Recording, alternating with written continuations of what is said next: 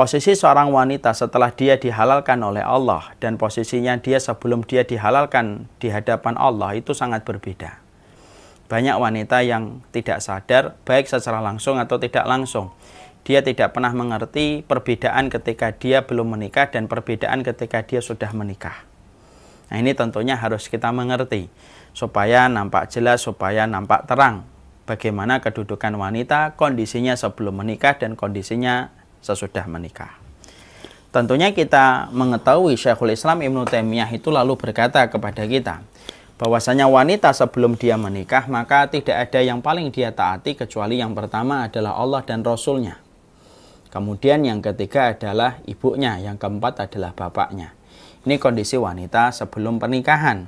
Sama persis dengan kondisi laki-laki sebelum pernikahan adalah tidak ada yang paling dia taati kecuali Allah dan Rasulnya, ibu dan bapaknya. Tapi ketika wanita itu dipetik sama seorang laki-laki, dipermaklumkan pernikahan oleh seorang laki-laki dan dia dihalalkan oleh seorang laki-laki dengan akad ijab kabul, maka pada saat itulah terjadi perbedaan nyata antara laki-laki dan perempuan. Kalau laki-laki sebelum menikah dan sesudah menikah tetap urutan-urutan ketaatan yang harus dia berikan dalam prioritasnya. Allah, Rasulnya, ibu dan bapaknya. Sebelum menikah begitu, sesudah menikah begitu. Tapi ketika perempuan sebelum menikah Allah, Rasul dan ibu dan bapaknya. Tapi setelah dia dihalalkan oleh seorang laki-laki dengan ijab kabul yang dia ucapkan.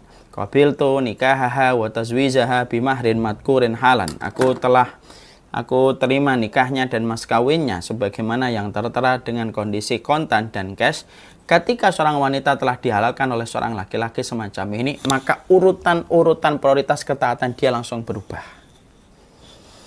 Ya, yang pertama Allah, yang kedua Rasul, yang ketiga adalah suaminya. Yang keempat ibunya dan keempat yang kelima adalah yang ke, eh, yang keempat adalah ibunya, yang kelima adalah suaminya. Apa adalah bapaknya? Ini berubah Kenapa kita harus membicarakan ini pada poin yang pertama? Ini cukup penting karena banyaknya orang yang hari ini menikah dari kalangan laki-laki dan perempuan tetapi tidak mengetahui bagaimana ilmunya di dalam pernikahan. Setiap manusia yang mereka menikah tetapi tidak mengerti tentang ilmu bagaimana dia menikah dan apa yang harus dia fahami dan apa yang harus dia ketahui berpotensi besar apa pun yang tanpa didasari dengan ilmu kemadaratannya lebih dekat dan lebih dahsyat akan terjadi daripada mereka yang sudah mengetahui ilmunya. Makanya kalau kita memahami tentang poin ini akan menjadikan seorang wanita betul-betul sadar. Setelah kamu dihalalkan oleh seorang laki-laki, pada saat itulah kamu harus tahu. Pada saat itulah kamu harus betul-betul mampu untuk mengimani Allah, Rasulnya, suamimu, ibumu, dan bapakmu. Dan itu menjadi ketetapan yang harus kita berikan kepatuhan dan kita harus berikan takzim kepada aturan syariat yang Allah berikan ketika sebelum kita menikah sampai kita menikah.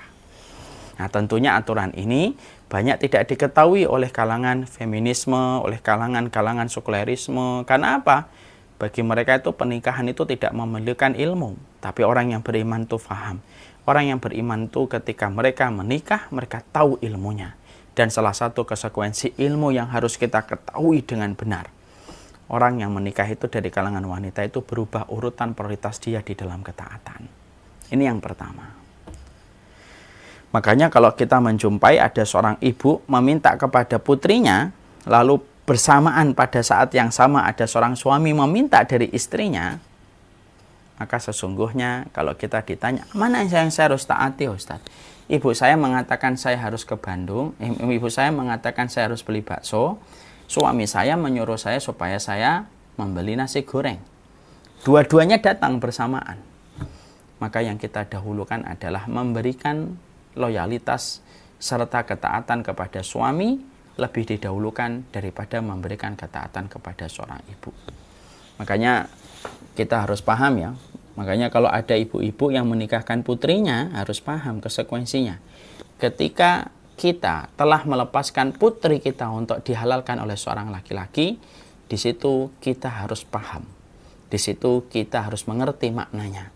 Berarti kamu harus selera dikalahkan dalam tanda kutip perintahnya dibandingkan perintah dari laki-laki yang telah engkau berikan izin untuk menghalalkan putrimu. Dan itulah sejatinya yang harus difahami.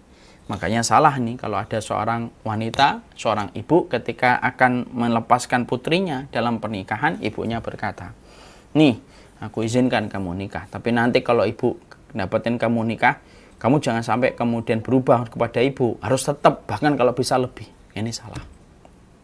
Ini merupakan sesuatu yang sejatinya harus dibenarkan sesuai dengan syariat. Ini yang pertama. Yang kedua yang kita harus pahami kalau sudah membicarakan tentang wanita yaitu adalah sesungguhnya keberkahan wanita itu terletak bagaimana posisi dia di hadapan suaminya. Jadi keberkahan wanita itu terletak bagaimana posisi dia di hadapan suaminya. Karena ketika dia telah dihalalkan oleh seorang laki-laki, maka semenjak saat itu semua urusan yang dia miliki ditanggung oleh suaminya. Sandangnya, papannya, dan papanya, sandangnya, papannya, dan pangannya kemudian menjadi tanggungan seorang suami. Dan semenjak saat itu, kita harus paham, seorang wanita itu puncak karir tertinggi dari wanita itu sebenarnya cuma dua apa itu puncak karir seorang wanita dalam kehidupannya? Satu, mendapatkan ridho dari suaminya. Dua, berhasil mencetak generasi yang solih dan taat kepada Allah. Dua ini kalau dapat itu puncak karir. Melebihi wanita yang berpredikat sebagai komisaris di sebuah perusahaan. Melebihi predikat seorang wanita yang menjadi menteri. Atau menteri bertangan besi, misalkan Margaret Thatcher. Kalah Kenapa? Karena puncak tertinggi dari karir seorang wanita itu adalah ketika mereka mampu mendapatkan ridho dari suaminya dan mampu mencetak generasi keturunannya dengan kesolihan dan ketaatan. Dan keberkahan wanita itu tergantung bagaimana posisi dia di hadapan suaminya.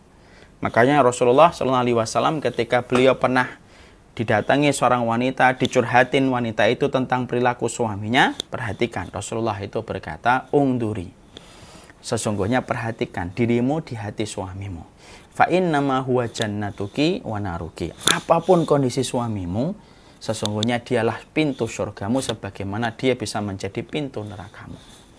Nah, di situlah kita akhirnya mengetahui berarti keberkahan hidupnya seorang wanita itu terletak bagaimana dia mendapatkan keridoan di hati suaminya dan posisi dia di hati suaminya. Makanya jihad terbesar wanita bukan di medan jihad layaknya di Palestina tapi jihad wanita tertinggi adalah ketika dia berkhidmah semaksimal mungkin, sepenuh hatinya, sampai dia mampu menundukkan hati suaminya hingga hati suaminya memberikan keridoan dan kecintaan kepada dirinya, maka delapan pintu surga akan dia dapatkan dan memanggil namanya ketika dia berhasil mengalahkan nafsunya, perasaannya, pemikirannya, was-wasnya, sampai dia mendapatkan ridho dari suaminya, maka sesungguhnya Allah akan memberikan balasan cash dan kontan.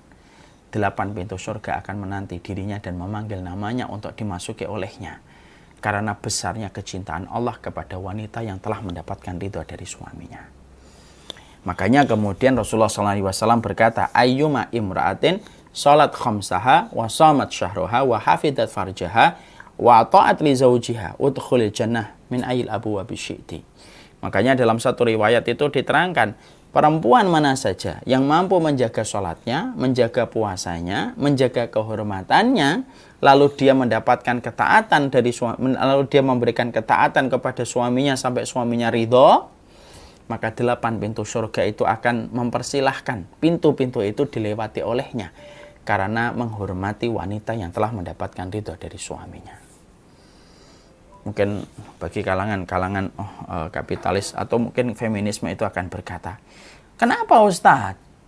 Enak betul ya jadi laki-laki. Jangan begitu.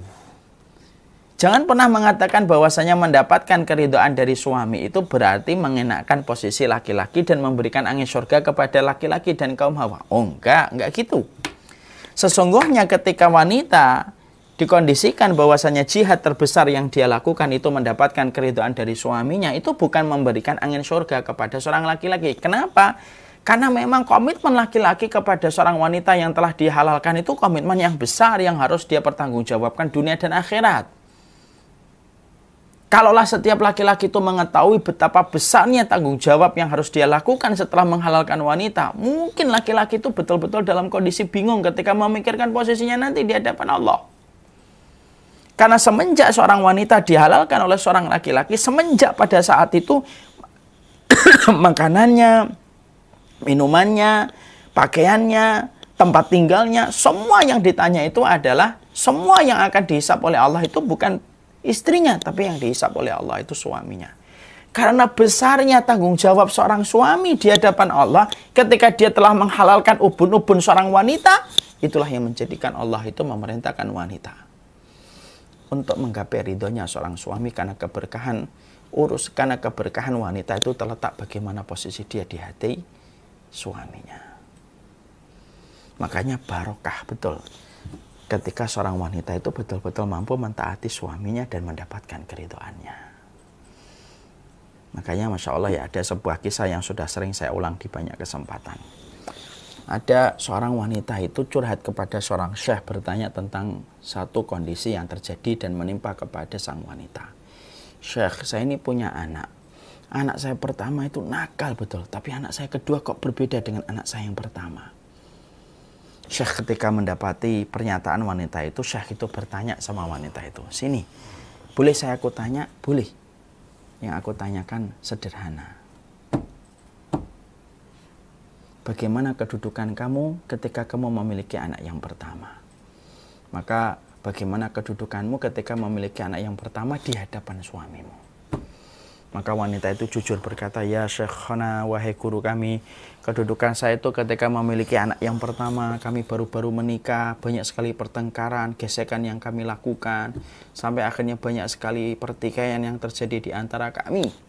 Dan itulah yang kami rasakan dalam awal-awal pernikahan kami ketika memiliki anak yang pertama. Syahnya senyum, oh gitu. Gimana posisimu ketika memiliki anak yang kedua di hadapan suamimu?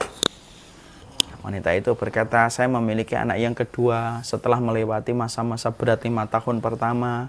Sampai kemudian akhirnya kami kami kemudian memiliki anak yang kedua. Saya sudah berusaha untuk mencari ridhonya. Saya sering mengalah supaya tidak terjadi pertikaian dan pertengkaran di antara kami. Sehingga kemudian kami merasakan banyak ketenangan dibandingkan awal-awal kami ketika baru menikah. Saya tersenyum. Saya kemudian berkata, Ibu, Ibu tahu nggak Ibu tahu nggak? Kenapa uh, ibu mendapati anak yang pertama dalam kondisi agak nakal? Karena pada saat ibu memiliki anak yang pertama, posisi hatinya ibu di hati suaminya tidak sebagaimana mendapatkan keridoan. Ketika suami tidak terlalu ridho, itulah yang mempengaruhi kualitas anaknya. Sehingga Allah jadikan sebagaimana yang ibu rasakan dan ibu dapatkan. Tapi setelah ibu itu mereskan kedudukan ibu bersama suaminya, ibu kemudian ngalah sampai mendapatkan memberikan ketaatan kepada sang suami sampai suaminya ridho ketika engkau telah diridhoi oleh suamimu. Maka semua urusan pun diridhoi oleh Allah sampai urusan anaknya pun itu Allah ridhoi dan Allah jadikan anak itu lebih taat daripada anak yang pertama. Nah, di situlah kita mendapati, masya Allah ya.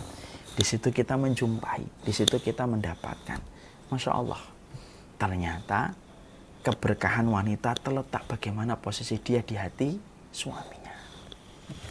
Makanya Masya Allah ya jihadnya wanita itu terletak pada komitmen dia untuk mendapatkan ridho dari suaminya.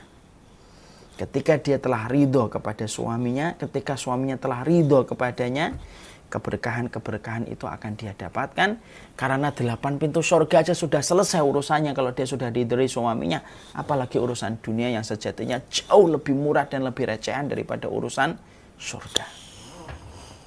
Jadi kalau wanita sudah mendapatkan ridho dari suaminya ibaratnya delapan pintu surga sudah diperoleh. Kalau delapan pintu surga sudah bisa dilewati dan diperoleh olehnya berarti itu urusan besar sudah dia peroleh berarti urusan dunia itu jauh lebih gampang. Karena urusan yang lebih mahal yaitu urusan surga aja sudah dia selesaikan ketika mendapatkan keridhaan dari suaminya.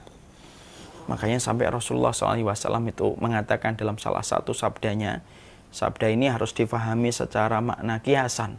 Ketika Nabi bersabda, laukanat bihi korhatun falah hasadha ma'adat haqqahu syai'an. Makanya sampai Nabi Shallallahu Alaihi Wasallam itu bersabda, laukanat bihi korhatun. Kalaupun kamu mendapati suamimu mengeluarkan nanah di sekujur tubuhnya, Falah hasadha, lalu perempuan istrinya itu menjilat seluruh nanah yang keluar dari tubuh suaminya, kata Rasulullah. Ma'adat haqqahu syai'an. Itu pun belum mampu memenuhi kewajiban yang harusnya ditunaikan seorang istri kepada suaminya. Masya Allah.